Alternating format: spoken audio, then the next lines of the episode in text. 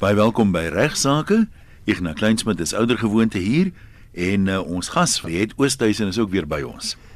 Ja, baie welkom Riet en uh, goeiemôre aan die luisteraars. Dankie dat jy weer ingeskakel is en ek dink uh, ons het vanoggend al die verlede week se luisteraars weer hier want uh, Riet is duidelik 'n eskering spesialis en 'n onderhoudsspesialis.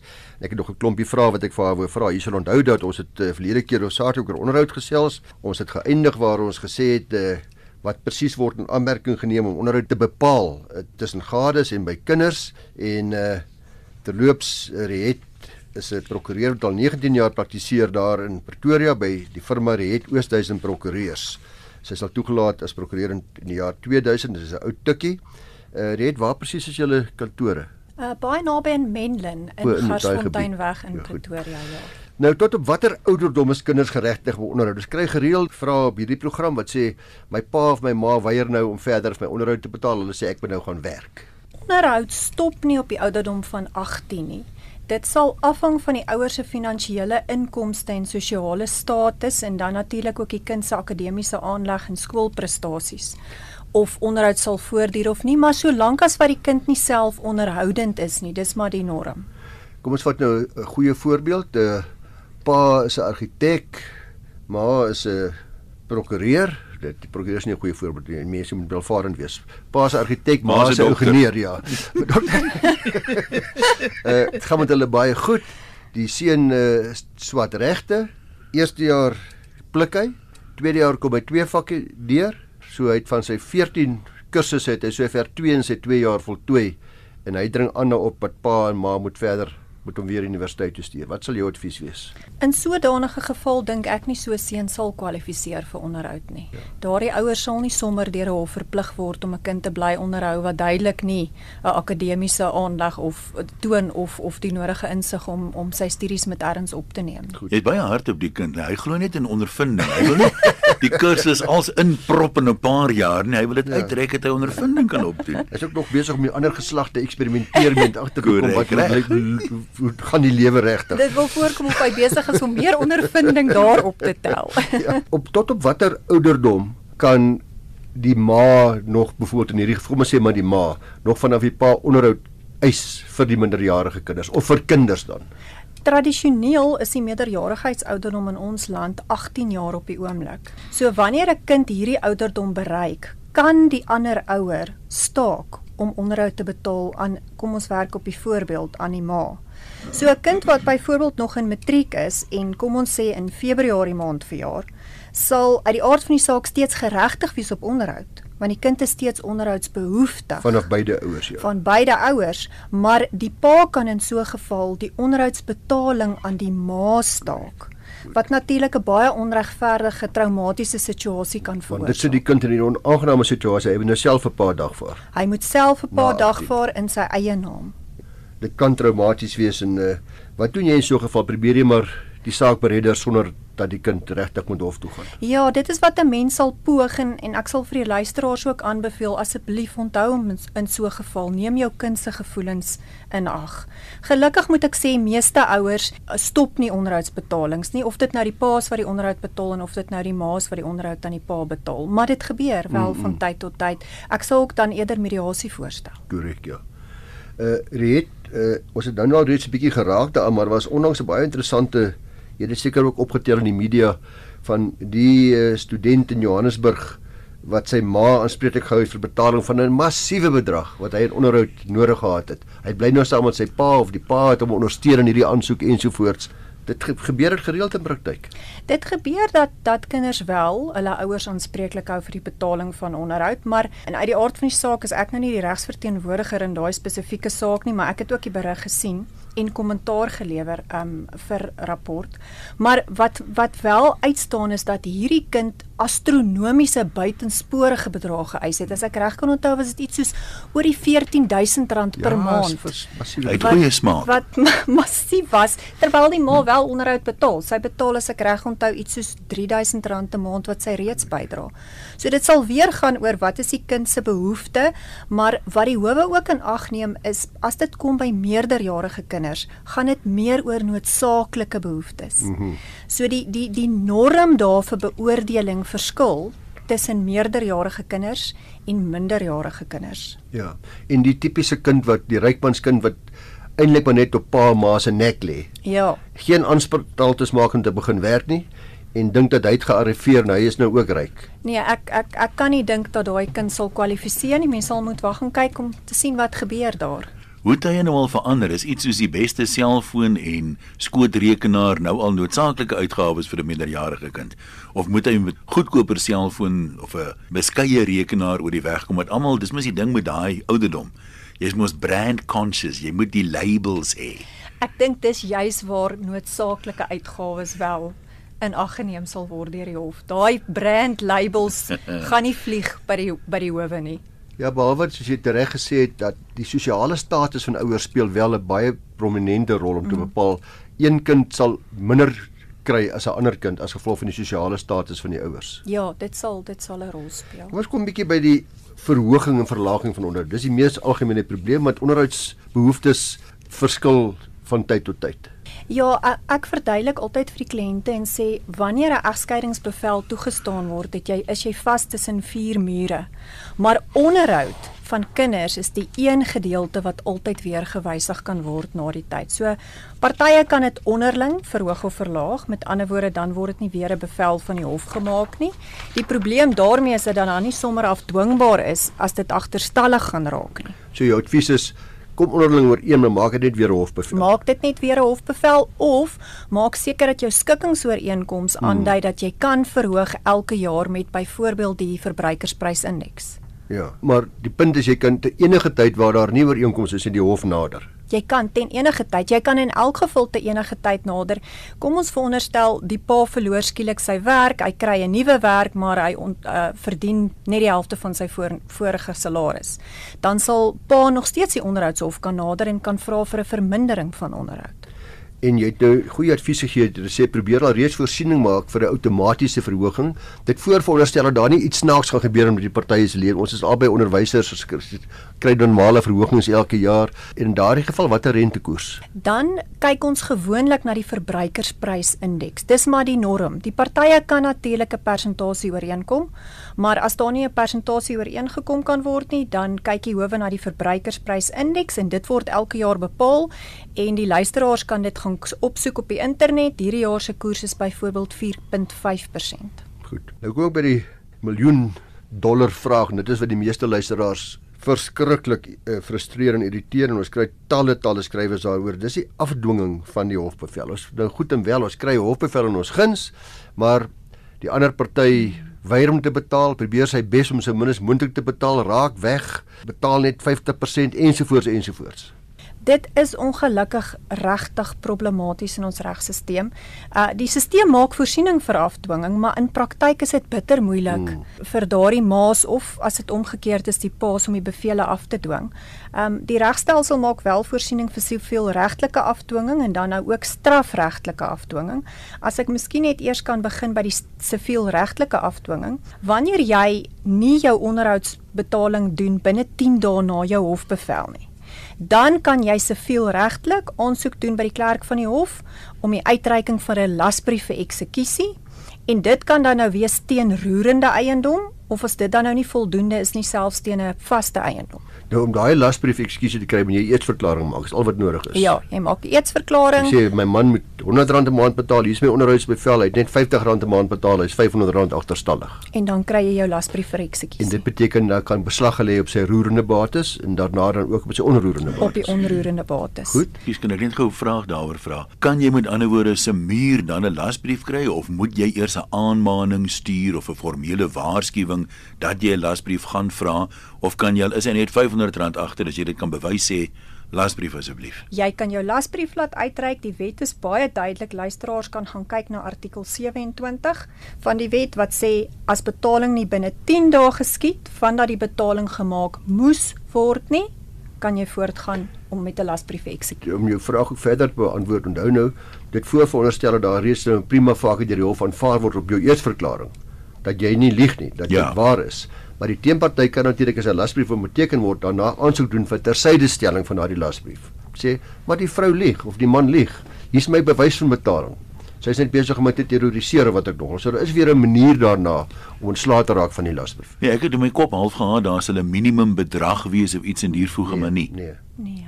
En dan besorgingsbeslagbevele? Dit sal dan nou wees, kom ons sê, hierdie man of vrou het geen roerende eiendom nie, daar is ook nie so iets soos vaste eiendom nie. Dan kry jy nou 'n besoldigingsbeslagleggingsbevel en dit is dan nou waar jy aansoek doen vir die bevel, dan word dit uitgereik teen hierdie persoon se werkgewer. So dan moet die werkgewer die uitstaande skuld maandeliks aftrek van hierdie persoon se salaris en die werkgewer betaal dan direk die gelde oor aan kom ons veronderstel die ma. Ja. So sodoende word die verskillende onderhoud dan direk deur die werkgewer namens die werknemer be- betaal en en uh, dan hoef die ma nie self te gaan sukkel met die man om dit op 'n ander manier te kry by sy bates of 'n lasbrief of wat ek nog. Sy het 'n keuse. Sy kan van die begin af ook die besoldigingsbeslag Sy vervul. kan, sy kan inderdaad. hoef nie eers lasbrief is kies dit te doen as jy nie wil nie. Dan 'n baie belangrike ding wat min mense weet en selfs min prokureurs het, dat pensioen is gewoonlik nie beslagbaar nie. Maar vir onderhoud is dit. Vir onderhoud is pensioen beslagbaar, so jy kan ook 'n aansoek bring om te vra. Kom ons sê die die onderhoud het nou lekker opgehoop en nou skuld meneer al 100 000 rand. Dan kan jy 'n aansoek doen om dit te verhaal van meneer se pensioen. Sou hy natuurlik aan 'n pensioenfonds behoort. Ons het 'n minuut of twee by die strafregtelike afdwinging. Die strafregtelike afdwinging sal wees in die geval van minagting van die hof, so hy betaal nou nie sy onderhoud nie. Ehm um, en hy moet dit betaal en dan kan jy strafregtelike klagte indien teen hom en um, dan is die bewyslas natuurlik jy moet kan bewys bo redelike twyfel dat daar 'n hofbevel bestaan en dat hierdie persoon of dan nou die beskuldigde teenstrydig met die hofbevel optree deur nie te betaal nie. Jy het 'n uh, lang ruk terug, toe die eerste keer saam met jou by die program was, het ons gesê jy gaan bietjie vir ons vertel wat is die Gautengse familiereg forum waarvan jy 'n lid is. Ja, dit is 'n vrywillige organisasie van prokureurs, advokate en akademici wat in Gauteng spesialiseer in familiereg. Die forum het 'n eie konstitusie en 'n eie gedragskode en dit gaan oor familiereg aangeleenthede wat dan deur die lede aangepak word vanuit die oogpunt om te sê, weet jy wat, ons wil konstruktief soek na oplossings eerder as om konflik aan te blaas. Want tradisioneel is familiereg 'n hoë konfliksone en veral ook in die regte. Ehm um, wat belangrik is vir die luisteraars om te onthou is dat dit is nie 'n assosiasie wat gratis regsdienste lewer nie, maar ehm um, hulle is welkom om die om die webtuiste te gaan besoek. Dis GF LF ons noem verwys sommer daarna as jifflif.co.za. Nee, baie dankie en dankie ook vir die goeie werk wat julle doen. Uh want dit is eintlik uh, in belang van alle moontlike familiereg uh, probleme wat 'n mens het wat julle probeer optree proaktief. Ja, wat mens proaktief probeer optree. Jy weet, uh, egskeidings kan natuurlik geweldige onreg aan die kinders veroorsaak omdat ouers nie altyd besef wat kinders deurgaan met 'n egskeiding nie. Ouerlike vervreemding vind plaas waar een ouer doelbewus en opsetlik die verhouding tussen die kinders en die ander ouer probeer skade aanrig. Met ander woorde, ek speel die bal, ek speel die man liewers, dit nie meer die bal nie. Ek vertel vir die kinders alles van hoe sleg pa nou volgens my nou is, hoe sleg ma dalk nou is volgens my. En selfs poog soms om jou verhouding te vernietig. Jy moet nie moenie meer vir pa gaan kuier nie. Jy weet, pa sis of so of wat ook nog dit mag wees. Nou hierdie ouerlike vervreemdingsgedrag is sien jy en ek gereeld in egskeiingsaangeleenthede en ek preek altyd verskriklik hard en ek weet jy ook. In Suid-Afrika se statistieke dui daarop dat 7 uit elke 10 kinders se ouers geskei is. Ja. Nou met die aard en die dier en die blywende impak wat 'n egskeiding op kinders het, moet mens baie waaksaam wees vir hierdie gevolge wat ouerlike vervreemding op hierdie kinders mag hê, nie net op korttermyn ook langtermyn, nê. Nee. Nou ek dink persoonlik daar is 'n plig op regspraktisyns en en mediators en sielkundiges en maatskaplike werkers, almal wat betrokke is by egskeidingssake, om die partye bewus te maak van hierdie ouerlike, mens kan amper sê vervreemdingssindroom en dat hulle hard moet werk om hierdie gedrag te probeer voorkom. Dit is inderdaad so en dit is eintlik 'n verskriklike interessante gedeelte in die familiereg. Nie net in ons land nie, maar wêreldwyd. Want wêreldwyd is die howe baie versigtig om bevindinge te maak van ouer vervreemding, maar die feit van die saak is, jouself in praktyk Ignas, dit bestaan. Dis 'n ja. realiteit. Kinders word onbehoorlik beïnvloed en opgemaak teen, kom ons sê nou maar in die meeste gevalle teen hulle pa Dit gebeur andersom natuurlik ook, maar maar meestal is dit teen die pa. En dan is dit 'n ma wat 'n kind so onbehoorlik beïnvloed dat die kind op 'n punt kom om te sê ek wil nie meer 'n verhouding met my pa hê nie. Hmm. Ek wil nie meer kontakregte met hom hê nie. Ek wil hom glad nie in my lewe hê nie. Soos ek gesê het, dit is 'n tendens en wêreldwyd is die howe versigtig om bevindinge daaroor te maak, maar ons is wel besig om tree vorentoe te gee. Een van daai groot stappies vorentoe is dat die Wêreldgesondheidsorganisasie gedurende Mei hierdie jaar dit formeel aanvaar het dat daar wel nou so iets soos ouer vervreemding bestaan en hulle het dit dan nou ook bevestig deur die huidige ICD-11 kodes te wysig om nou voorsiening te maak vir 'n spesifieke kode vir ouer vervreemding. En daardie kode is QE.52 sorggewer of dan nou kindersverhoudingsprobleme. Nou, wat het dit nou eintlik tot gevolg? Dit het tot gevolg dat dit nou 'n mediese kode is. So jy kan nou van jou mediese fonds eis vir behandeling wat 'n kind moet ontvang vanweë ouer vervreemding. Hmm. Of dit in Suid-Afrika van toepassing is op ons mediese fondse, dit wil ek daarom net ook vir die luisteraars sê, ek is nie seker daarvan nie. Want dit was die Wêreldgesondheidsorganisasie wat die bevindinge in, in my gemaak het en ek's nie seker oor wat is die toepaslikheid daarvan op ons mediese fondse ja. nie. Ek dink altyd 'n goeie regspraktisyn se eerste plig is om sy sy of haar bes te probeer om eh, om jou kliënt van emosie te stroop ander woorde kwaad word gaan nie help nie. Vloek en skel en raas en beklei en skuld allokeer weerskante toe gaan nie help nie want skuld is selfde regtig uh, een van die probleme by 'n egskeiding wat gewoonlik kom van albei kante af. Is dit jou selfe ervaring ook? Ja, skuld kom van beide kante af, maar met ouer vervreemding sit paas in daai onbenydenswaardige posisie dat skielik kom daar gesinsgeweld interdikte mm, teen hulle mm, om te sê jy het die kind aangerand, ja. jy het die kind seksueel gemolesteer. Dit kos 'n pa ongelooflik baie aan regskoste om sy onskuld te bewys.